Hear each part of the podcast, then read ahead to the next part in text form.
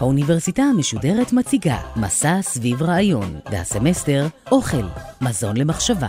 והפעם הדוקטור ענר טל מהמרכז האקדמי למשפט ועסקים ברמת גן על הקוף הפנימי והפיתוי החיצוני, אוכל וכלכלה התנהגותית. עורכת ראשית, מאיה גאייר.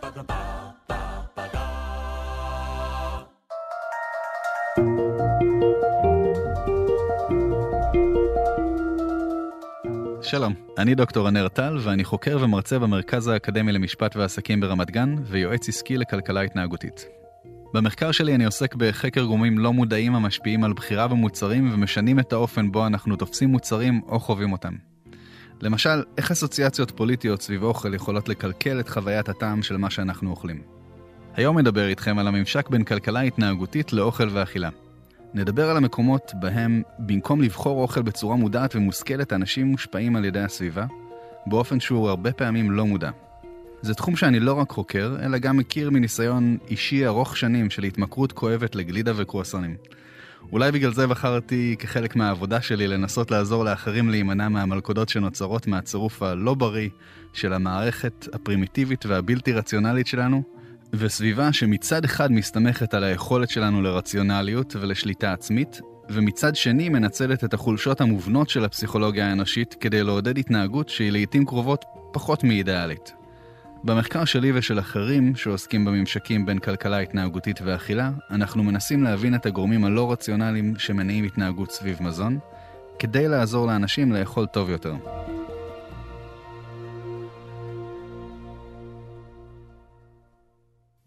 אבל לפני שנצלול לנושא, בואו נפתח בהצגה קצרה של התחום הרחב יותר בו שוכנת ההרצאה הזו, כלכלה התנהגותית. הכלכלה ההתנהגותית נולדה באמצע המאה שעברה כאסכולה מנוגדת לתיאוריה המיקרו-כלכלית המסורתית. על פי התיאוריה המיקרו-כלכלית המסורתית, בני אדם מתנהלים באופן מחושב ורציונלי, שנועד להביא לתועלת מקסימלית. כנגד ההסתכלות הגורפת הזו, יצאו כמה זרמי מחקר שהובילו בסופו של דבר לתחום שאנו מכירים היום ככלכלה התנהגותית. זרם עיקרי אחד נולד בשנות ה-50 של המאה ה-20, ומייצגו הבולט הוא הרברט סיימון, שגרס שגם אם התנהגות אנושית מכוונת לבחירות רציונליות, היא אינה בהכרח מסוגלת להן. סיימון טען שתי טענות מרכזיות. הראשונה, שגם כשהם מנסים להתנהג כיצורים רציונליים, בני האדם הם יצורים מוגבלים מטבעם, ולכן גם בחירות וחישובים רציונליים יהיו מוגבלים. למשל על ידי חוסר תשומת לב, מידע חסר או חוסר יכולת או מוטיבציה לעסוק בחישובים מורכבים. הרברט סיימון האמין ברציונליות, אבל לא ברציונליות מלאה, אלא ברציונליות מוגבלת, או Bounded Rationality. הטענה השנייה של סיימון הייתה שבני אדם כלל לא שואפים במקרים רבים למקסום תועלת, או במילים אחרות להגיע לבחירה הכי טובה עבור עצמם. סיימון טען שאנשים מנסים במקרים רבים להגיע לבחירות מספקות, אבל לא מקסימליות. במילים אחרות, כשאנחנו בוחרים מכונית, דירה או בן זוג, יכול להיות שאנחנו בוחרים את המספיק טוב ולא את הכי טוב. הזרם העיקרי השני נולד כ-20 שנה אחרי סיימון, כששני חוקרים צעירים בשם דניאל קנמן ועמוס טברסקי עסקו בהמשך לעבודתו. בסדרת מחקרים מבריקים הראו השניים ששיפוט ובחירה מונעים פעמים רבות על ידי עיוותי שיפוט, אותם כינו הטיות. טברסקי וקנמן חקרו את הדרכים בהן אותן הטיות קוגניטיביות אנושיות עלולות להוביל לבחירות שסוטות באופן ניכר מתכתיבי הכלכלה המסורתית. אלמנט נוסף ואחרון שאציין בהיסטוריה של הכלכלה ההתנהגותית הוא תיאוריית המערכת הכפולה. התיאוריה התפתחה בשנות ה-70 והתפשטה בפסיכולוגיה בשנות ה-80, למרות שאת המקורות שלה אפשר למצוא כבר אצל אחד מאבות הפסיכולוגיה המודרנית, ויליאם ג'יימס, אם לא בפילוסופים שקדמו לו. התיאוריה הזו יצרה מודל של מחשבה והתנהגות אנושית שמחולק לשני חלקים. מערכת אחת היא אוטומטית ואסוציאטיבית, ומערכת שתיים היא נשלטת, מודעת ומחושבת. מערכת אחת היא מערכת שאנחנו חולקים עם החיות, ואפשר לחשוב עליה כעל הקוף הפנימי שלנו. מערכת שתיים לעומת זאת ייחודית לבני אדם, ומייצגת את סוג החשיבה הרציונלית עליה מדברת הכלכלה המסורתית. עליה אפשר לחשוב כעל הגרסה הפנימית שלנו לדמותו של מר ספוק מסטארטרק, האדם הרציונלי האידיאלי. כלכלה התנהגותית טוענת בעצם שחלק נכבד מההתנהגות האנושית נובע ממערכת אחת, מהקוף הפנימי שלנו, ומנסה להבין איך עובדים עם הקוף הפנימי כדי להביא לבחירות טובות יותר. באופן כללי הכלכלה ההתנהגותית גורסת שהתנהגות כלכלית אנושית, כולל בחירה וצריכה של מוצרים, סוטה במקרים רבים ממה שמכתיבים מודלים כלכליים רציונליים של בחירה. במקום מחשבה מודעת ומחושבת שפועלת בצורה מיטבית למען הגשמת מטרות, כלכלה התנהגותית טוענת שהתנהגות אנושית מונעת מגורמים סביבתיים ופנימיים שונים שאין להם מקום במחשבה רציונלית, אך בכל זאת מניעים אותנו להתנהגות כזו או אחרת. את הגורמים האלה חוקרת כלכלה התנהגותית. בהקשר לזה נולד המונח nudge או בעברית הנד, שטבע הכלכלן ההתנהגותי זוכה פרס הנובל ריצ'רד טלר. ה nudge נועד לנצל את התהליכים הלא מודעים המשפיעים על בחירה כדי לנתב התנהגות בכיוון רצוי. כיום ממשלות וארגונים פרטיים ברחבי העולם משתמשים ב nudge ים לא רק כדי להניע אנשים לקנות מוצר כזה או אחר, אלא גם כדי להניע להתנהגות חברתית רצויה, כמו חיסכון לפנסיה, תרומת איברים, לקיחת תרופות או הגעה לבדיקות רפואיות. אז הבנו שהכלכלה ההתנהגותית בוחנת סטיות מהתנהגות רציונלית, אבל מה הקשר בינה לבין אוכל? ובכן, מתברר שבהתנהגות אכילה קל מאוד לראות אי רציונליות. הבחירות של מה לאכול וכמה לאכול, כמו גם השיפוטים שלנו לגבי מזון, מה בריא, מה טעים, כמה אוכל יש לפנינו על הצלחת, כולם רחוקים מרחק גדול מהתנהגות רציונלית. למרות שאין כיום תחום פורמלי שנקרא כלכלה התנהגותית של התנהגות אכילה, התנהגות אכילה או eating behavior בשפה המקצועית, היא בהחלט תחום שלכלכלה ההתנהגותית יש מה להגיד עליו והרבה. מכיוון שמדובר בנושא רחב, נתמקד בהיבט של בחירה ופחות בהטיות ועיוותי שיפוט. להם אפשר להקדיש הרצאה נפרדת אם לא קורס שלם. במילים אחרות נדבר על האופנים בהם החלטות לגבי מה לאכול וכמה הן לא תוצר של חישובים רציונליים, אלא של שורה ארוכה של גורמים פנימיים וסביבתיים שגורמים לנו לסטות ממה שכדאי לנו לעשות, ולעשות דברים כדאיים פחות. וננסה גם להבין איך אפשר לשפר את אופן קבלת ההחלטות שלנו. אם כך, מה גורם לנו להחליט מה וכמה לאכול? הגישה הרציונלית שבה מחזיקה הכלכלה המסורתית הייתה טוענת שבני אדם בתור יצורים מודעים ורציונליים מתנהלים מול מזון בצורה הגיונית ושקולה. הם חוקרים את האפשרויות שעומדות בפניהם, אוספים מידע רלוונטי, מנתחים אותו, משקללים את התועלות מסוגי המזון השונים שהיו יכולים לבחור, וככה בוחרים את האוכל הטוב ביותר ומחליטים כמה לאכול ממנו. אח שלי התאמן במשך שנים בחדר כושר והקפיד מאוד על תזונה. הוא ידע בדיוק מה וכמה יאכל ובאיזו דקה יעשה את זה. אבל רק מיעוט מתנהל כמוהו ומנטר באדיקות את צריכת המזון. עבור רובנו אכילה נראית קצת אחרת. אכילה היא משהו שקורה לנו ולא משהו שאנחנו מחליטים לגביו. אנחנו מוצאים את עצמנו זוללים לחם במסעדה במקום לשמור מקום למנה העיקרית, קונים גלידה בסופר כשמה שבאנו לקנות זה בכלל ירקות לסלט, וטורפים עוגה שמישהו שם לנו מול הפרצוף בישיבת צוות במשרד, גם אם אנחנו לא רעבים והעוגה לא כל כך טובה. אחת הסיבות העיקריות שמכשילות אנשים מלאכול כמו אחיו, ואחת הסיבות לדומיננטיות של הקוף הפנימי על פני הספוק הפנימי, היא מגבלות כוח הרצון האנושי. זרם גדול של מחקרים בשנות ה-90 הראה שוב ושוב שכמו שהרברט סיימון טען 50 שנה קודם לכן, המשאבים הקוגניטיביים העומדים לרשותם של בני האדם מוגבלים. רוי באומאסטר ועמיתיו טענו שכוח הרצון, מה שמאפשר לנו להפעיל שליטה מודעת על מעשינו, הוא משאב מוגבל. כמו שריר גם כוח הרצון מתעייף, כך שהיכולת שלנו להפעיל שליטה עצמית מוגבלת. כשאנחנו עייפים, חולים, או כשדעתנו מוסחת על ידי דברים כמו עבודה משעממת, היכולת שלנו לשליטה עצמית תרד.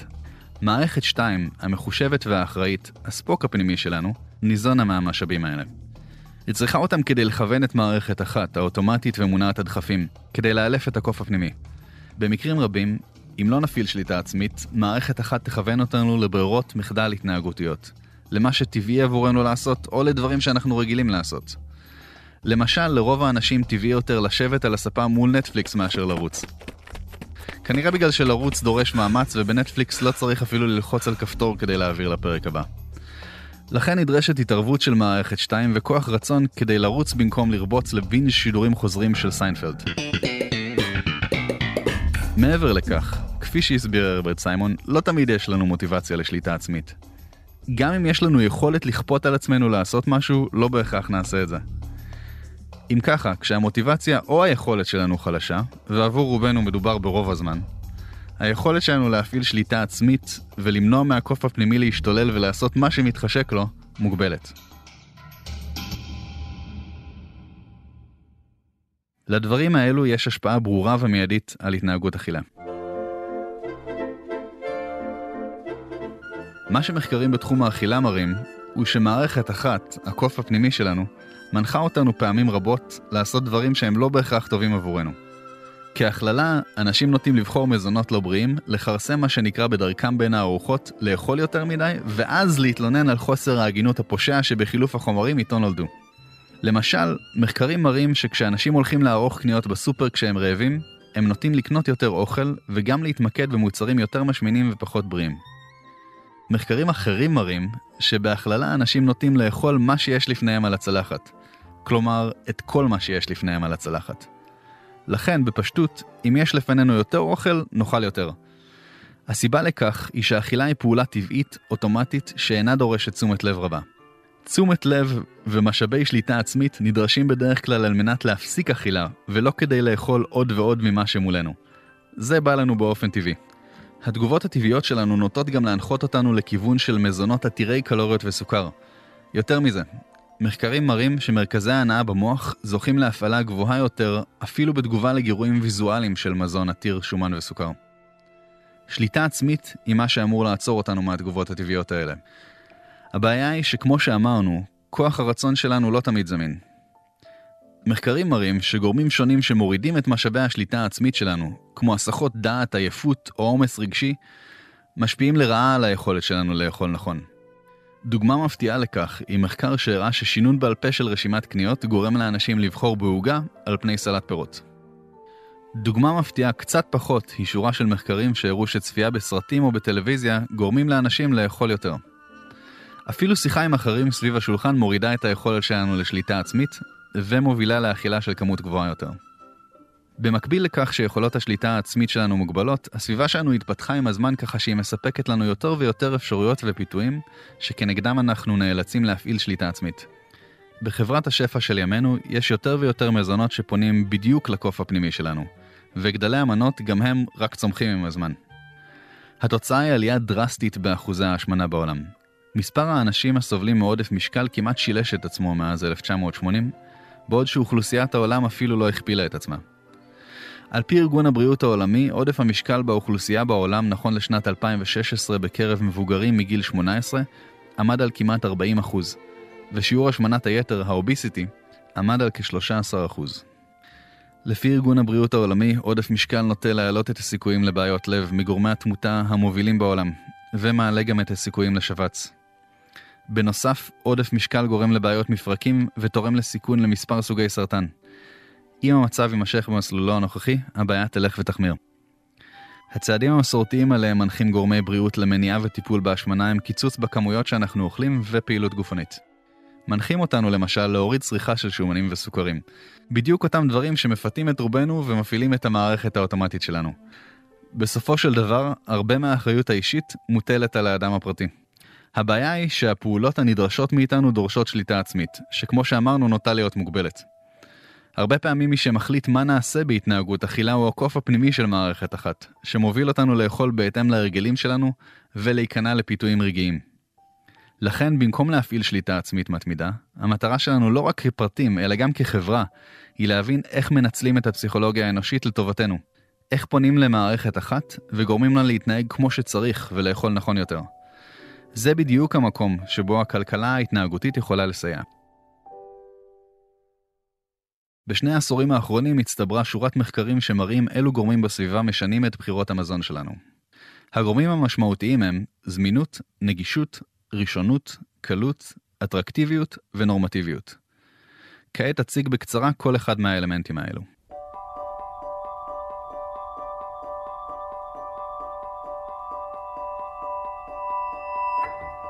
זמינות היא כנראה האלמנט הבסיסי ביותר וגם החזק ביותר שמשפיע על בחירה. אם אוכל מסוים אינו בנמצא, אנחנו לא יכולים לאכול אותו. זה נשמע אולי בסיסי, אבל ההשלכות מרחיקות לכת.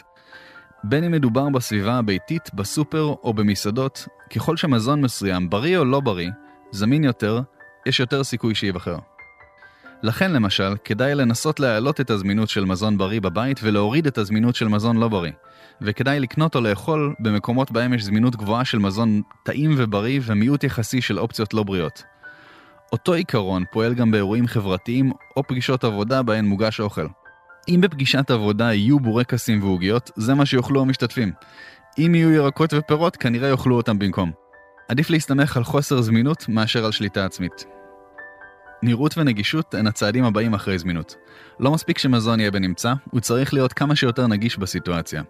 ככל שאוכל בריא נגיש יותר וקל יותר להשגה, כך הוא ייבחר יותר. בנוסף, ככל שקל לנו יותר לראות מזון מסוים, עולה הסיכוי שנבחר בו. בסופר למשל, ישנם מדפים נגישים יותר ומדפים נגישים פחות. ככל שסופרים יהפכו את המזונות הבריאים לנגישים ונראים יותר, ואת הבריאים פחות לפחות נגישים, כך ישתפרו הבחירות שעושים הקונים. גם נראות בתפריטים יכולה כמובן לעודד בחירה. כמו שתצוגה של עוגות או תמונות של קינוחים מושחתים בתפריט יכולה לדחוף אותנו קלות לעברם, כך הצגה של מנות בריאות, תוך הקפדה על האטרקטיביות שלהן, יכולה להעלות את הסיכוי שאנשים יבחרו בהן. כמובן שלעסקים יש נטייה לפעול בהתאם לשיקולים כלכליים ולא רק בריאותיים. בהתאם לכך אנחנו רואים נגישות גבוהה יותר של חטיפים ומתוקים ליד הקופות בסופרים, מכיוון שהסיכוי שאנשים ייכנעו לפיתוי בזמינות גבוהה כזו ובעודם ממתינים ממילא לתורם גבוה יותר.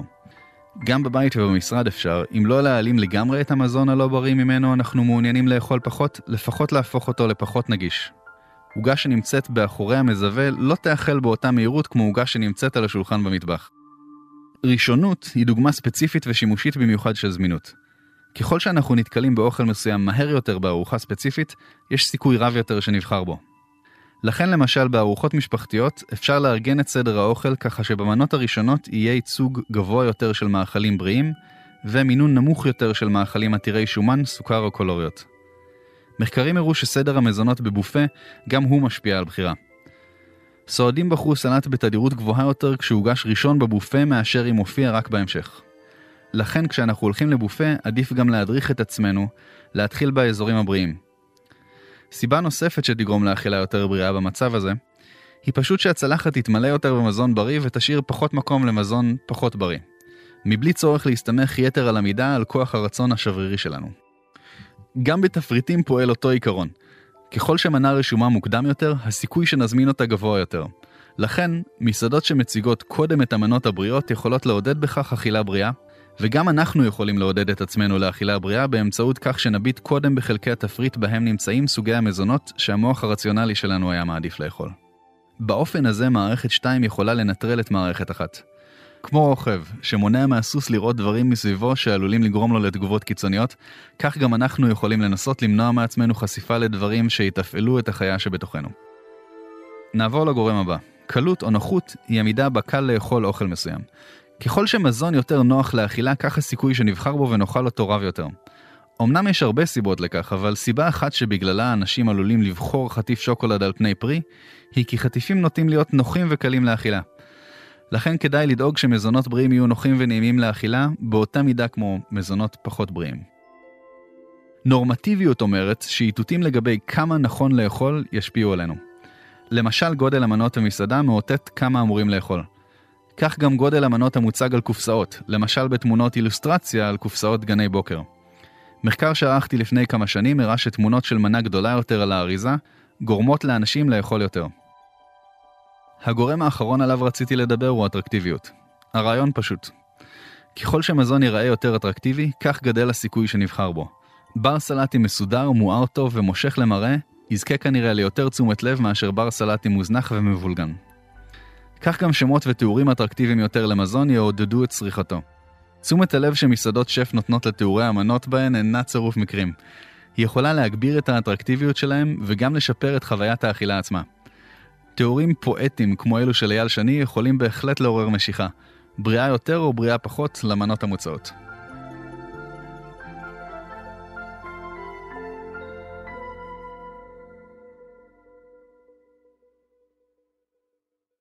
בנוסף לאלמנטים אותם סקרתי, ישנן התערבויות קטנות, או נאג'ים, שיכולים לשמש לשיפור בחירה במזון בריא. חלקם מסתמכים על העקרונות עליהם דיברנו בחלק האחרון, וחלקם נוספים אליהם. כעת, לקראת סיום, נדבר על כמה מהם. דוגמה ל nudge רווח בכלכלה התנהגותית היא priming, ובעברית הטרמה. priming הוא הפעלה של קונספט בזיכרון שיכולה לכוונן פעילות עתידית. למשל, קריאת משפטים הקשורים לגסות רוח גורמת לאנשים לעזור פחות לאחרים. priming של אכילה בריאה יכול לעודד בחירת מזון בריא. כך למשל, מחקר שערכתי לפני מספר שנים הראה שנתינת דגימות של תפוחים בסופר יכולה להגביר את כמות הקניות הבריאות שעורכים הקונים לעומת דגימת עוגיות. מכיוון שהרבה מהתנהגות האכילה שלנו אינה מודעת ומונעת על ידי הקוף הפנימי, אנחנו יכולים באמצעות שליטה בגודל המנות, לעודד את עצמנו לאכול יותר או פחות. כך למשל, סביר שקנייה של אריזות קטנות יותר של במבה תוביל לצריכה מופחתת של במבה. באותו אופן, בגלל הנטייה של אנשים לאכול יותר ככל שיש יותר אוכל על הצלחת, צלחות קטנות יותר יובילו לצריכת מזון נמוכה יותר, בלי צורך לריסון עצמי במהלך האכילה. דרך נוספת להימנע מהצורך בשליטה עצמית באמצעות תכנון מראש, הוא החלטה מבעוד מועד לגבי השאלה מה נקנה או נאכל. הכנה של רשימת קניות בסופר והיצמדות אליה עשויה לסייע לנו להימנע מפיתויים רגעיים. בדומה לכך, החלטה מראש לגבי מה נזמין במסעדה או מה נאכל לארוחת צהריים יכולה לעזור לנו לאכול כמו שאנחנו רוצים. בעוד שבמקום עצמו כשאנחנו רעבים יש סיכוי רב שניכנע לפיתויים רגעיים, הזמנה מראש במצב בו איננו רעבים ולא עומדים מולנו שורה של פיתויים יכולה לעזור לנו לבחור נכון יותר. בנוסף לכך, ככל שיהיו סביבנו יותר הסחות דעת, כך הסיכוי רב יותר שניפול קורבן לאכילה מרובה. לכן כדאי להפחית בהסחות דעת ולהתמקד באכילה. בתור בונוס, ריכוז גדול יותר באוכל שלפנינו יוביל גם להנאה גדולה יותר. לסיכום, כמו שראינו, חלק גדול מהתנהגות האכילה של בני אדם מונע מהתנהלות אוטומטית של מערכת אחת, הקוף הפנימי שלנו. מכיוון שהיכולת של בני אדם להפעיל משאבי שליטה עצמית כדי לנטר אכילה מוגבלת, הם מתקשים לעיתים קרובות לקבל את ההחלטות הנכונות. למרבה המזל, הכלכלה ההתנהגותית מספקת עקרונות ופתרונות פשוטים שיכולים לעזור. במקום להסתמך על דיאטות קשוחות המצריכות שליטה עצמית אינסופית, עדיף לנסות ליצור לעצמנו סביבה שתדחוף אותנו בעדינות לבחור טוב יותר. חשוב לומר שהאחריות על יצירה של סביבה כזו מוטלת לא רק על כל אחד מאיתנו, אלא גם על רגולטורים וחברות שיכולים לעזור ליצירת התנהגות אכילה בריאה יותר. צרכנים, תאגידים וממשלות יכולים לשתף פעולה במשימה החשובה הזו. גם ביחד הם כנראה לא יצליחו לרסן לגמרי את הקוף הפנימי שלנו, אבל אולי יש תקווה. הרי גם קופים עברו אבולוציה.